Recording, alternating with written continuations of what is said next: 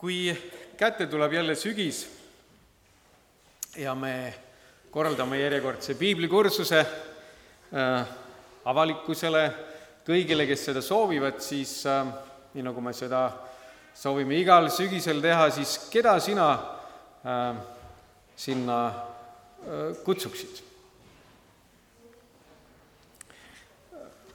milliste oma tuttavate või sugulaste peale sa mõtled ja mõtled, et oh, nemad on need, kellega ma tahaksin seda jagada. Ähm, ma käisin kaheteistkümnendas klassis koolis, see oli äh, mõned aastad tagasi juba, ja meil kirikus algas ka piiblikursus. oli Haapsalu koguduses ja teemaks oli ilmutuse raamat. ja mina ka mõtlesin, et äh, tahaks ka oma sõpru äh, kutsuda piiblikursusele, mille, jagada midagi, mis minu jaoks on nii oluline ja hea. ja, ja ma võtsin, äh, sellel kursusel olid vihikud, see oli selle esimene vihik nii-öelda maitseks, mul oli neid pakke koolikotis kaasas ja siis ma käisin iga päev koolis ja mõtlesin, et keda, keda ma kutsun. ja kedagi ei julgenud kuidagi kutsuda. siis, kui kool sai läbi, siis piirasin oma klassikaaslasi ja, ja venitasin ja üritasin mingit juttu teha ja viimaks võtsin julguse kokku ja hirmust värisedes äh, kutsusin ühte oma klassivenda. ja et äh, jätta oma klassivend anonüümseks, äh, nimetagem teda Toomaseks sest Toomast meil klassis tõepoolest ei olnud. ja Toomas oli olnud mu klassivend esimesest klassist peale, see tähendab, me olime ühes klassis käinud äh, selleks ajaks peaaegu kaksteist aastat. me olime kunagi ka algklassides küll kaks ja pool aastat pinginaabrid olnud ja me olime alati suhelnud ja mingis mõttes me olime, me olime sõbrad. ja kui ma siis lõpuks äh, hirmupärinaga selle kutse olin esitanud, siis äh, teate, ta, ta nõustus. ja, ja tuli sellele kursusele ja said alguse meie tunde kestvad äh, arutelud siis äh, kooli väravas, kui tunnid olid lõppenud, kõik läksid koju ära, meie jäime kooli väravasse seisma ja omavahel siis arutlema maailma asjade üle ja piibli üle ja ja mitmed noored jõudsid kodus ära käia ja juba millegi muu pärast kooli tagasi tulla ja ma mäletan õpetajaid, kes läksid ära ja tulid tagasi mingile muule asjale, mis toimus. ja nad läksid ja nad tulid ja meie ikka seisime kooliväravas ja nad imestasid ja küsisid, et mis, mis teie siin nii kaua teete.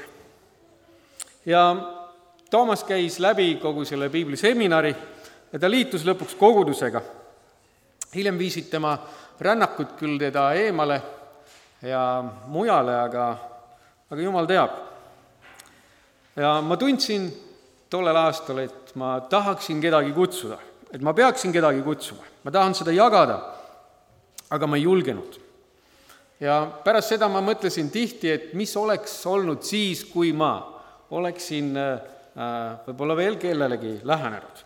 meil oli klassis selline mõnus sõbralik punt ja lahtise peaga poisid-tüdrukud meie suhted poleks sellepärast kuidagi kannatanud, et ma oleksin kutsunud neid millelegi, mis oli minu elus nii olulise osa, osa, mis omas minu elus nii olulist osa.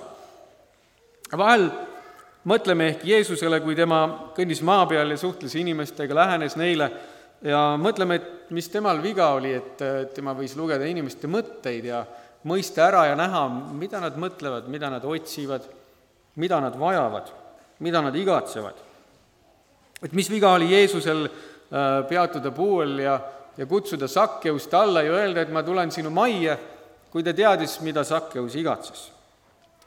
või, või õigemini, võib-olla oli Jeesus oma vaimus juba ennem Sakkeust näinud, nii nagu ta oli näinud äh, Naatanaeli viigipuu all, enne kui, enne kui Philippus tuli ja kutsus Naatanaeli. aga kuidas peame meie teadma? täna on meil äh, meie koguduse kalendris ka selline missioonipäev, kus me mõtleme jälle sellele, kuidas ja millal oleks hea jagada seda, ähm, mida Jumal meile on andnud. ja nii nagu igal aastal missioonipäeval tuleb välja ka üks uus raamat, mida oleks värskelt võimalik äh, sellel aastal jagada inimestele. ja mõtleme meie täna ka, ähm, et kuidas meie peame teadma. näiteks, kellele me annaksime ühe hea raamatu? Keda me kutsuksime ähm, ühele piiblikursusele, kellele me kõnes algataksime mõtteid sellest, mida me usume. mida me tavaliselt mõtleme ja kaalume, kui me selle peale äh, mõtleme, et kuidas, kellele, millal. kuidas lähenesid evangeeliumi ja kutsega äh, inimestele Jeesuse jüngrid, kes läksid ja soovisid seda kuulutust jagada? või mõeldes sellele loole, mida me täna koos ka loeme mida mõtles näiteks Philippus, kes oli Jeruusalemma koguduse diakon ja Jeruusalemma koguduse evangelist, kui ta ühel kenal varahommikul läks Jeruusalemmast välja lõuna poole Järve keskuse juurde Tallinn-Pärnu maantee ääres ja siis ta hakkas ühele autole kätega vehkides järele jooksma mida tema sellel päeval mõtles. see lugu on kirjas Apostlite tegude kaheksandas peatükis. Äh, kui sul on kaasas piibel, siis äh, kutsun sind seda avama ja seda lugu lugema. Apostlite tegude kaheksas peatükk, salmis kakskümmend kuus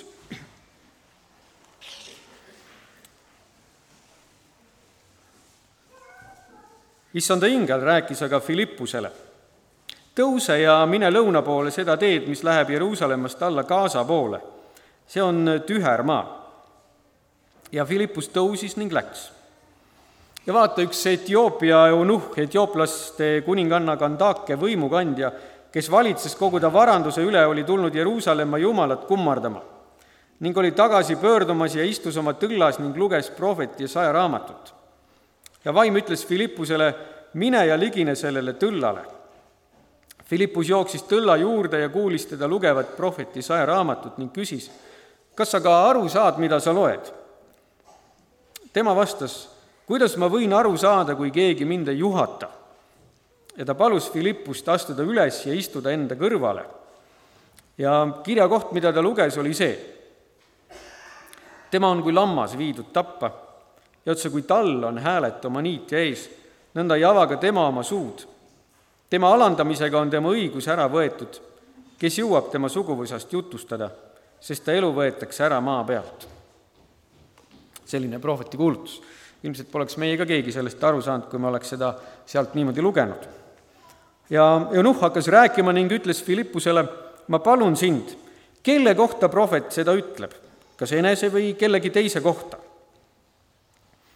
Aga Philippus avas oma suu ja sellest kirjakohast lähtudes kuulutas talle evangeeliumi Jeesusest. aga kui nad teed mööda edasi läksid, jõudsid nad ühe vee äärde ja eunuhh lausus, ennäe vesi, mis takistab, et mind ei võiks ristida. ilmselt nad olid jõudnud juba sellest ka rääkida. aga Philippus ütles, kui sa usud kogu südamest, siis on see võimalik. ta vastas ja ütles, ma usun, et Jeesus Kristus on Jumala poeg. Ja ta käskis tõlla peatada ja nad mõlemad Philippus ja Eunuh astusid vette ja Philippus ristis tema. aga kui nad veest välja tulid, haaras issanda vaim Philippuse ja Eunuh ei näinud teda enam, kuid ta läks oma teed edasi rõõmuga. aga Philippus leiti Astodist ja ta kuulutas mööda maad käies evangeeliumi kõigile linnadele, kuni ta jõudis Kaisareasse. ta, mis me küll annaks, kui me võiks äh, omada selliseid kogemusi nagu Philippus et kohtame kedagi ja saame talle rääkida evangeeliumi Jeesusest, kes on Jumala poeg. ja et selle vestluse lõpetuseks äh, äh, me rõõmsasti võime astuda temaga vette ja, ja ta võib saada ristitud. et mis me küll annaks, aga see vist ei ole enamasti niimoodi päriselt. Tingel ütles Philippusele, kui me mõtleme ennast sinna sisse hommikul, et Philippus, tõuse üles mine välja järve keskuse juurde ja seal kõneta ühte inimest. ja kui ta läks järve keskuse juurde ja seal ootas, siis vaim ütles talle, et mine ligine sellele autole ja, ja kõneta seda inimest. kui me sellele mõtleme, mõtleme sellele, millal me kogesime viimati, et jumala vaim mõjutas meid, ütles, et mine, tee seda, lähene sellele inimesele. püha vaim on see, kes kõigepealt oli see ja on see, kes, kes meid endid Jumala juurde juhtis, kes kõnetas meid, äratas meie südames mingi igatsuse. püha vaim on see, kes meid juhib Jeesusele iga päev ligemale, kes annab meile kogemusi, mõjutusi, suunamisi. püha vaimu juhtimise kuulamine on äh, eluline osa sellest, et me oleme kristlased, et me elame koos Jumalaga, kes iga päev annab meile jõu võita kurja, teha head, teha Jumala tahtmist. ja kui me kuuleme püha vaimu mõjutust oma südames, siis see on see hetk, kui me mõtleme, et mis siis, kui ma teen nii, nagu ma seda tunnen. mis siis, kui ma tõuseksin, mis siis, kui ma läheksin, mis siis, kui ma ütleksin?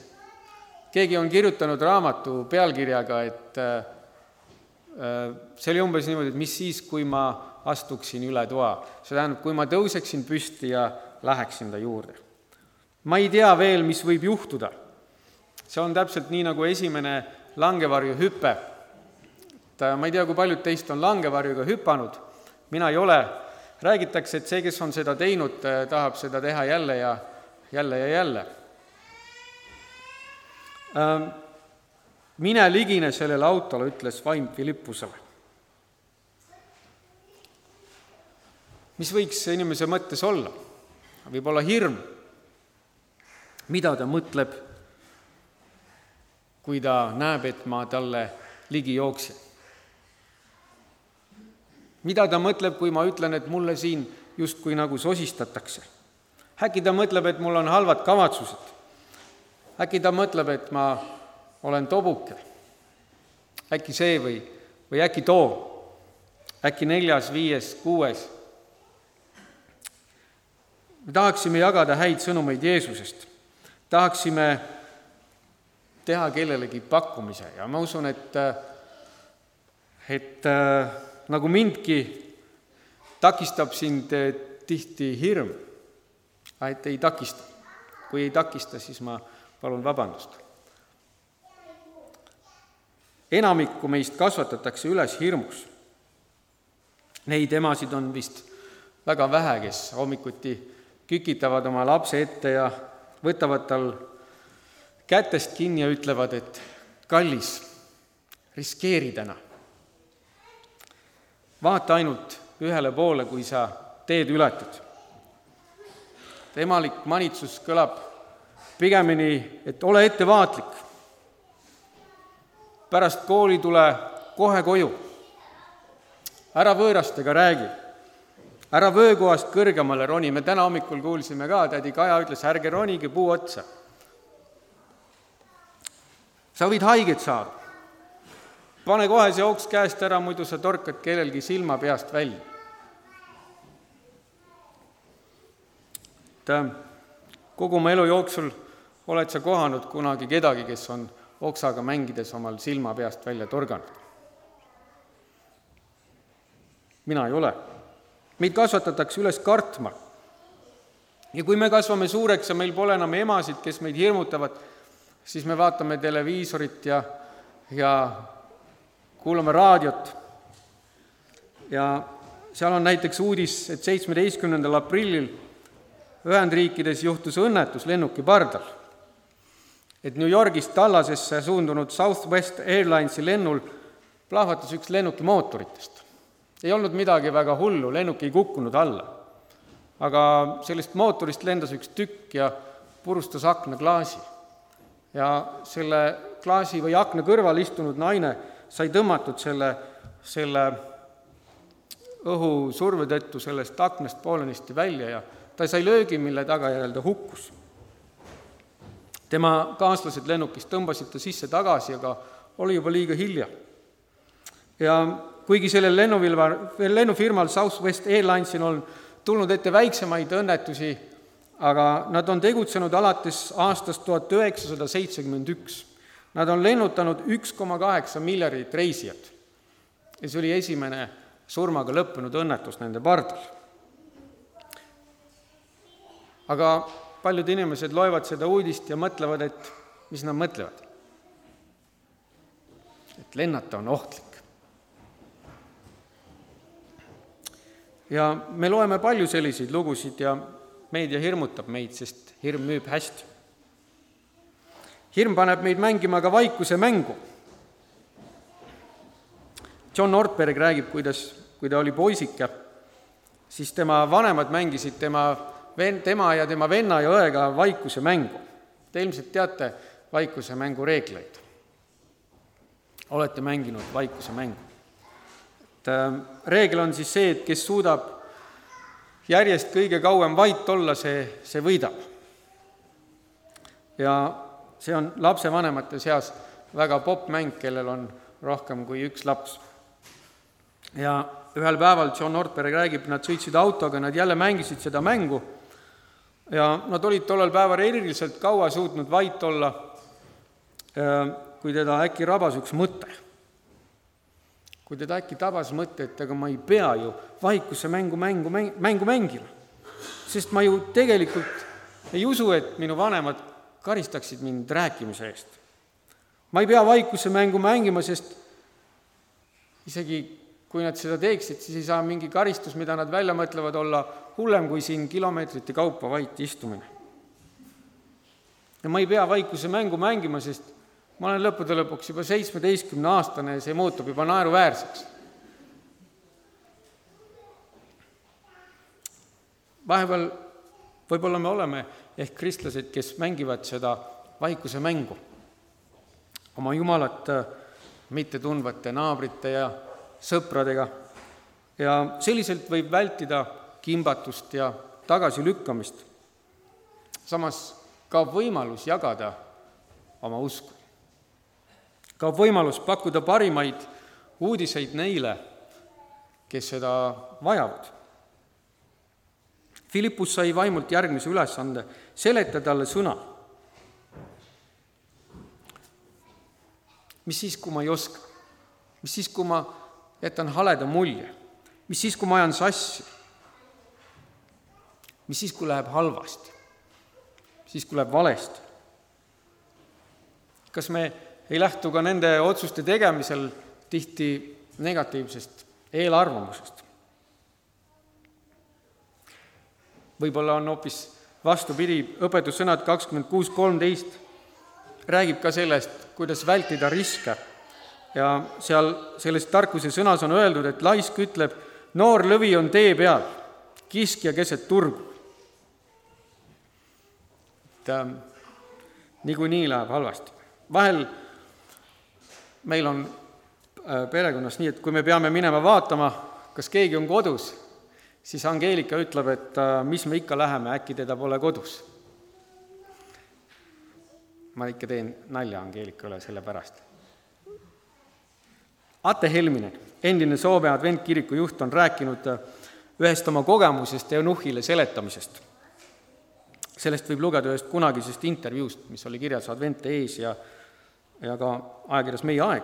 ja, ja ta kirjut-, räägib seal niimoodi, ütleb aastaid tagasi, kui olin just lõpetanud oma esimese aasta teoloogiaüliõpilasena, kohtusin lennukis ühe tüübiga ning rääkisin talle ära kogu evangeeliumi. ja me võime öelda, et viga, liiga palju ma ei arva, et ma teeksin seda ka täna, kuid üllatuslikult võttis ta aasta pärast minuga ühendust. tema elu oli sassis ja ta vajas sõpra. Nii ma siis saatsin talle hunniku vaimulikke raamatuid. jälle viga. Pole eriline üllatus, et ma temast midagi enam ei kuulnud, vähemalt järgmise viieteistkümne aasta jooksul. siis kohtusime juhuslikult taas. ta oli nüüd edukas ärimees, kuid ikka veel otsimas. seekord tegin temaga diili. mina aitan teda tema otsingutes ja tema aitab mul välja töötada juhtimisstrateegia.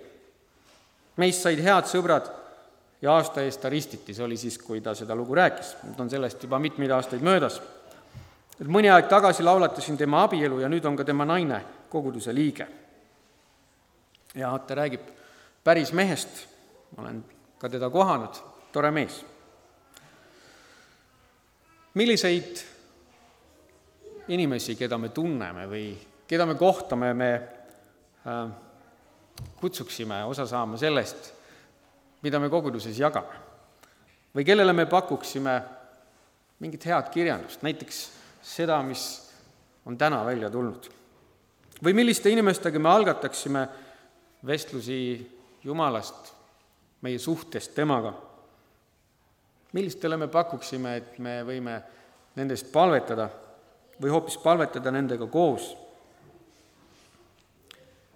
kuidas me seda teame, kui me ei oska inimeste mõtteid lugeda? Aga kui me palvetame pidevalt, et Jumala vaim juhiks meid ja me oleme valmis teda kuulama, siis Jumala vaim teeb seda.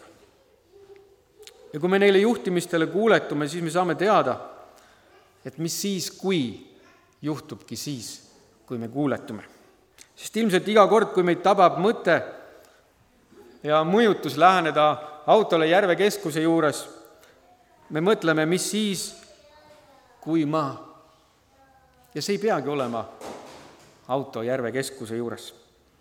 ebakindlust tekitab juba abikaasa oma toas, kes ei ole veel Jumalat tundnud, oma lähedane sõber, oma muhe kolleeg, keda me oleme kaua aega tundnud ja kui me oleme olukorras, kus äh, nendest mis siis kuidest saavad, mis oleks võinud, kui ma, kui ma oleksin. Mis siis, kui ma oleksin vähem kartnud? mis oleks võinud olla, kui ma oleksin proovinud? mis oleks võinud olla, kui ma oleksin usaldanud Jumalat?